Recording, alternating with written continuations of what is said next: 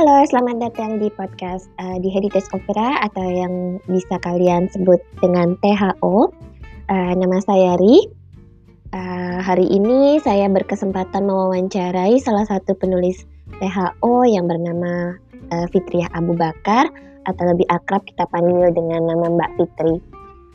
Beliau merupakan penulis uh, sejumlah buku antologi dan juga sudah memiliki buku novel solo uh, temanya terkait dengan parenting.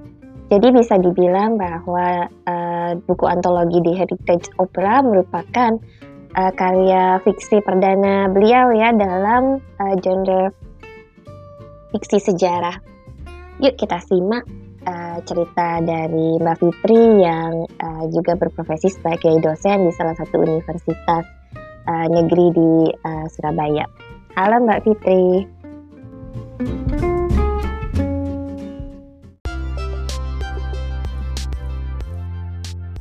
Halo Ril, makasih nih udah diundang ya.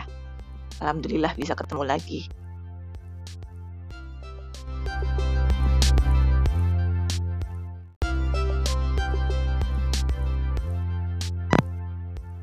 Sama-sama Mbak, senang bisa uh, bersua kembali.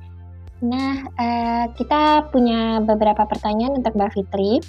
Salah satunya kenapa sih Mbak Fitri akhirnya menulis uh, dan bisa nggak diceritakan latar belakang di balik uh, terjunnya Mbak ke, dunia penulisan?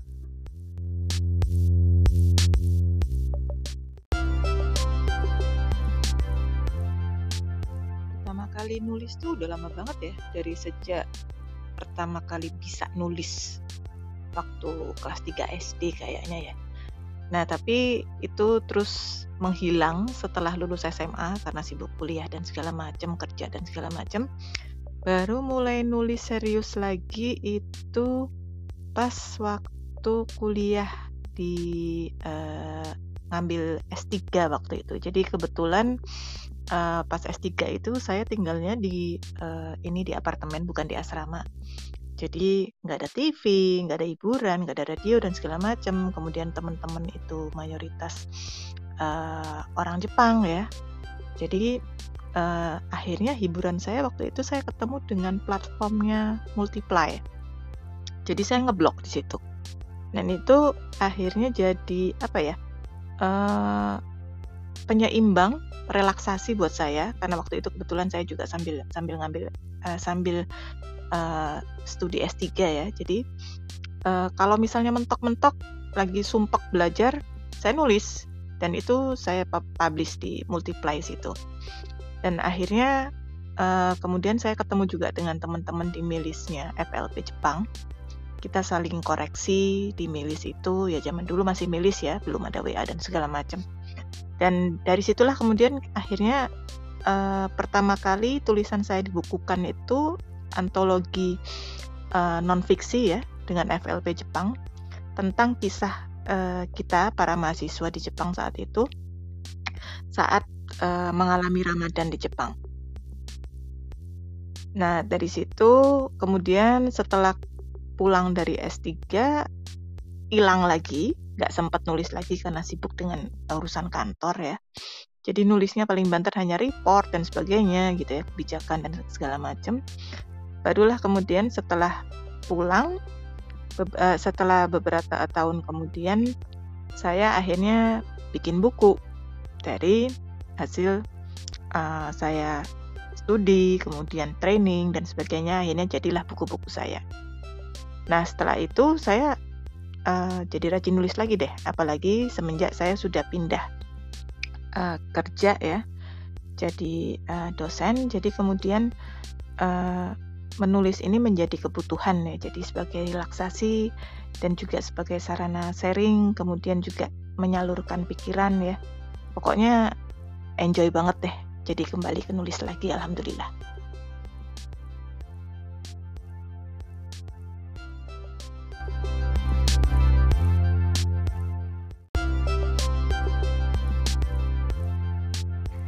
Terus boleh diceritain nggak Mbak gimana akhirnya tercebur di dunia fiksi sejarah? Kan uh, genrenya cukup uh, berbeda dengan apa yang sudah Mbak uh, kerjakan ya uh, selama ini.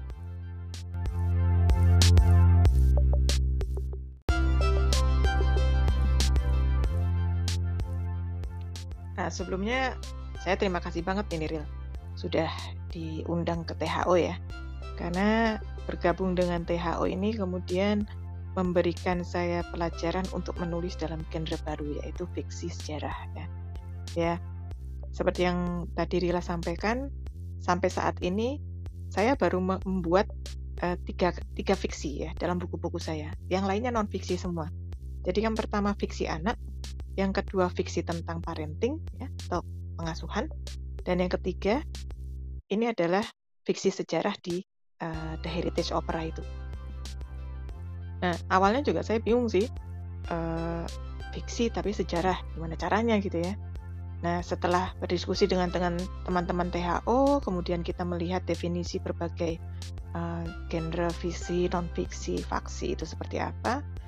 Uh, Lalu kemudian ada uh, salah seorang anggota THO yang memberitahukan ke saya, Pak, tinggal tambahin aja satu tokoh fiktif atau satu peristiwa fiktif atau uh, satu uh, lokasi fiktif gitu ya di dalam sejarah itu. Nah itu sudah akan menjadikan uh, cerita itu menjadi fiksi sejarah. Ya. Tapi sejarahnya sendiri tidak boleh diutak-atik ya, karena yang namanya sejarah ini kan kita nggak boleh ubah. Ya jadilah kemudian akhirnya saya menulis yang Loji di Taman Suropati itu. Ya. Nah, Loji di Taman Suropati ini terilhami dari tempat saya bekerja di uh, kantor sebelumnya ya. Jadi uh, ini memang kisah nyata sebetulnya. Jadi uh, sebagian besar dari uh, kisah uh, di Loji di Taman Surapati ini sebetulnya uh, nyata ya fakta uh, yang fiktif itu adalah uh, tokoh yang ada beberapa ada tokoh-tokoh di situ yang uh, merupakan tokoh fiktif ya nah uh, yang saya suka adalah setelah belajar menulis dengan THO ini saya kemudian melihat bahwa oh ternyata uh, fiksi sejarah ini bisa bisa bisa menanggulangi kesulitan saya dalam menulis fiksi karena selama ini saya menulis menulis fiksi itu mengalami dua kesulitan. Yang pertama karena saya imajinasi saya itu tidak terlalu uh, bebas ya. Maksudnya saya tidak bisa uh, maksudnya imajinasi saya terbatas gitu ya.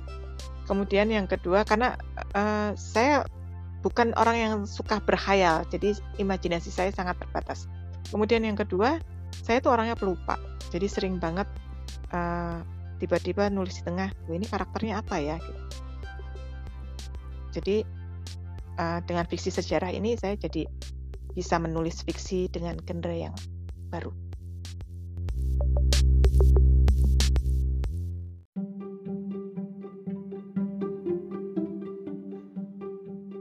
dari proses uh, penulisan baik itu fiksi maupun non fiksi uh, menurut Mbak sendiri apa sih tantangan terbesarnya boleh nggak di share ke kita semua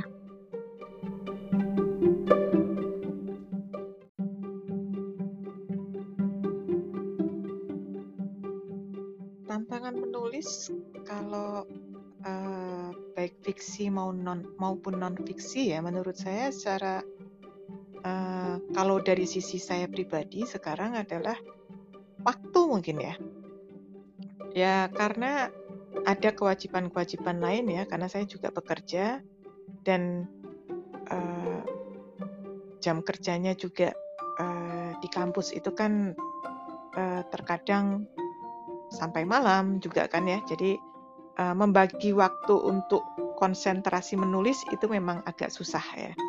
Dan kemudian di luar waktu mengajar pun kita masih punya kewajiban-kewajiban lain sehingga uh, membagi waktu untuk menulis ini yang kemudian masih menjadi kendala ya uh, dan menjadi tantangan.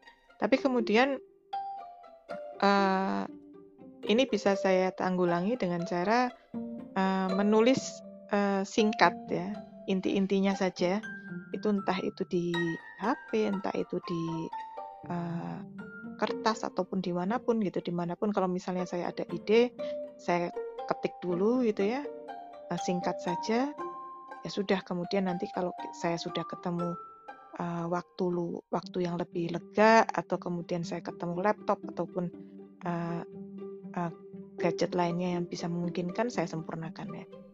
Kemudian kendala yang kedua adalah uh,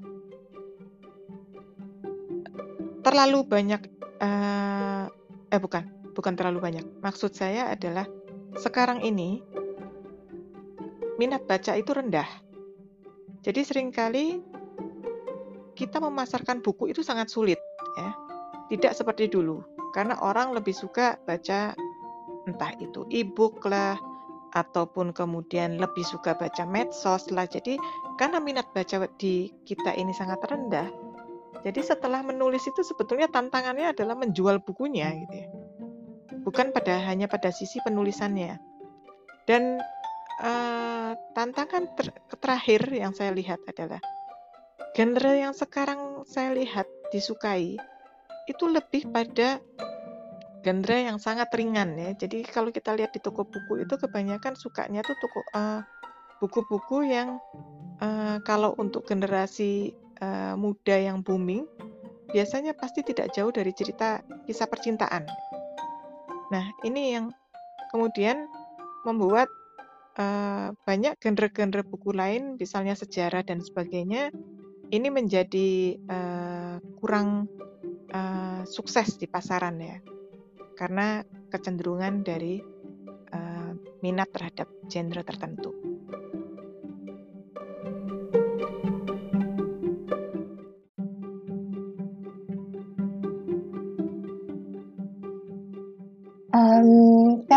Kita nih para penulis uh, pemula pasti udah banyak makan asam garam ya ditolak penerbit-penerbit mayor gitu ya dengan uh, sejumlah alasan yang mungkin alasannya itu uh, bisa membuat kita jadi sedikit down atau uh, memiliki keinginan untuk berhenti menulis. Nah, Mbak punya nggak cerita serupa uh, di balik proses penerbitan buku-buku antologi maupun solonya?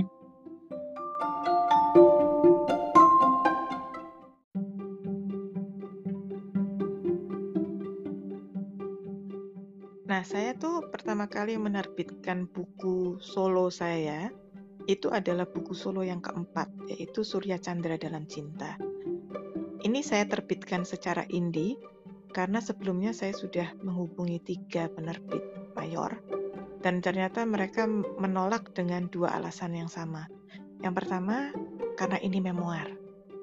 Memoir bagi penerbit mayor itu hanya akan diterbitkan untuk uh, figur publik seperti uh, tokoh uh, bersejarah, politisi, artis, atlet, dan sebagainya. Nah, karena saya bukan figur publik, jadi mereka tidak bersedia menerbitkan karena menurut mereka kurang menjual. Kemudian yang kedua, buku saya ini bentuknya seperti uh, seperti kumpulan kisah pendek ya. Jadi bukan uh, runut seperti novel. Ya, saat ini kan yang paling banyak itu kan banyak dijual itu adalah jenis novel ya. Nah, padahal ada dua hal di sini, ada dua pesan di sini yang ingin saya sampaikan adalah yang pertama uh, bahwa uh, perjuangan orang tua untuk mendidik anak-anaknya itu sangat berat ya. Dan yang kedua uh, bahwa kasih orang tua yang dan cintanya yang tulus ikhlas kepada seorang anak itu adalah berkah yang luar biasa bagi seorang anak karena kita tidak bisa memilih akan terlahir dari orang tua yang mana. Nah, dua hal ini apabila kemudian dituliskan dalam bentuk novel akan kehilangan esensinya. Karena apa? Uh, novel itu uh, runut seperti biografi. Sementara saya tidak mau menuliskan biografi, saya hanya mau menuliskan uh, kisah-kisah uh, perjuangan uh, dan pesan-pesan untuk uh, pengasuhan yang saya dapat dari kedua orang tua saya. Makanya kemudian saya memilih untuk menerbitkan sendiri dan ini dibantu oleh teman saya yang kebetulan sudah sering menerbitkan Indi sehingga akhirnya saya belajar untuk menerbitkan sendiri dari mulai uh, uh, kalau menulis dengan mengedit tulisan sendiri saya sendiri itu kan selalu saya lakukan sejak saya uh, sejak buku-buku saya yang diterbitkan oleh uh, penerbit mayor. Tapi di sini saya mulai belajar juga untuk uh, menuangkan isi tulisan itu dalam bentuk cover ya.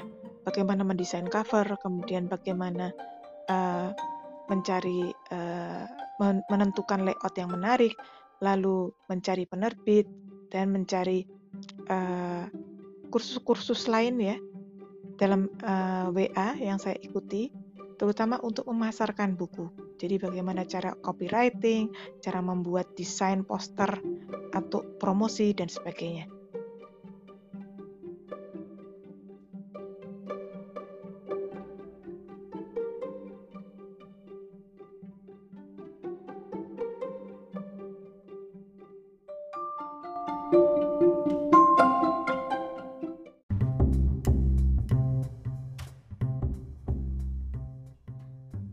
Oke, sekarang uh, mungkin pertanyaan terakhir dari THO uh, eh, mengenai tips-tips ya. Ini bukan pertanyaan sih, mungkin lebih uh, meminta Mbak untuk sharing tips-tips yang bisa dilakukan oleh para penulis pemula yang tertarik untuk menulis fiksi sejarah maupun non-fiksi.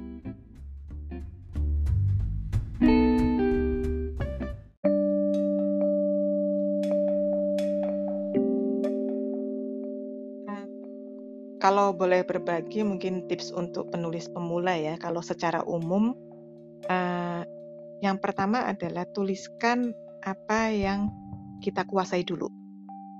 Ya. Jadi kalau misalnya kita sukanya, uh, yang kita kuasai dan kita sukai dulu ya. Contohnya kalau kita suka sejarah tentang, uh, Majapahit, ya sudah, kita tulis dulu aja tentang, uh, sejarah Majapahit. Uh, jangan kita sukanya Majapahit, kemudian kita nulis tentang Siliwangi. Nanti pencarian kita untuk sejarah Siliwangi yang mulai dari nol itu akan membuat kita lelah dan akhirnya malas untuk menulis lagi. Jadi makanya dimulai dari yang kita sukai dulu, ya.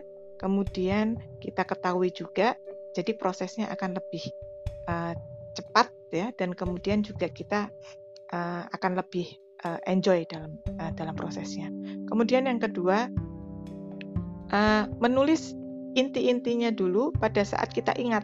Misalnya kita sedang mengerjakan, sedang uh, menunggu kendaraan, menunggu uh, apa misalnya menu makanan di restoran dan sebagainya gitu ya. Uh, itu kita bisa tiba-tiba uh, dapat ide gitu. Tulis saja di HP atau di mana gitu ya. Tulis saja ide intinya apa gitu ya.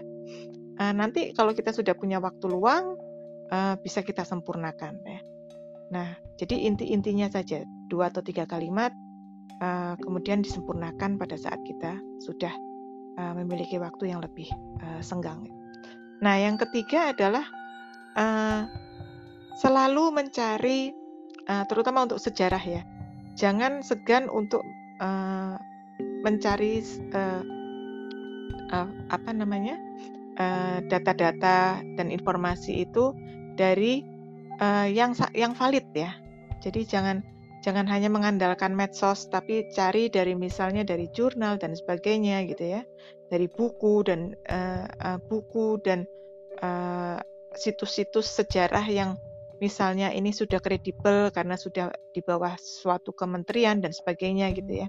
Jadi uh, apa yang kita tuliskan itu valid, ada landasannya gitu ya. Jangan hanya mengandalkan dari medsos apalagi dari uh, situs-situs yang tidak jelas gitu ya. Jadi ini penting, apalagi untuk non fiksi ya. Uh, data dan informasi itu harus benar-benar yang reliable. Kemudian yang terakhir adalah uh, nikmati saja dan intinya adalah satu hal yang saya sangat saya percaya. Semua orang pasti memiliki satu hal yang bisa di-share, bisa dibagi kepada pembaca. Karena tidak ada pengalaman orang yang sama identik. Jadi tuliskan dari pengalaman ya. Ini untuk yang non fiksi juga bisa jadi memoir ya. Tuliskan untuk pengalaman ya, karena itu pasti akan ada uh, manfaat yang bisa dipetik oleh orang lain. Itu saja mungkin.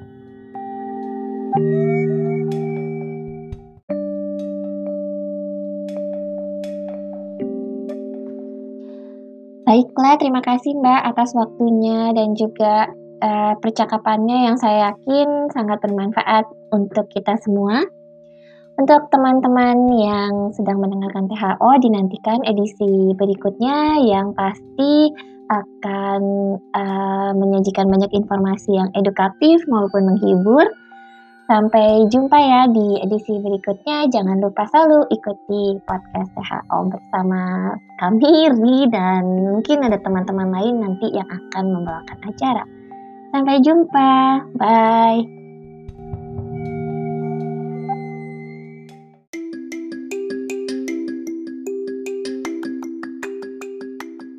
Sama-sama Rila. Makasih ya sudah diundang di sini. Salam sehat dan sukses selalu untuk semuanya. Bye.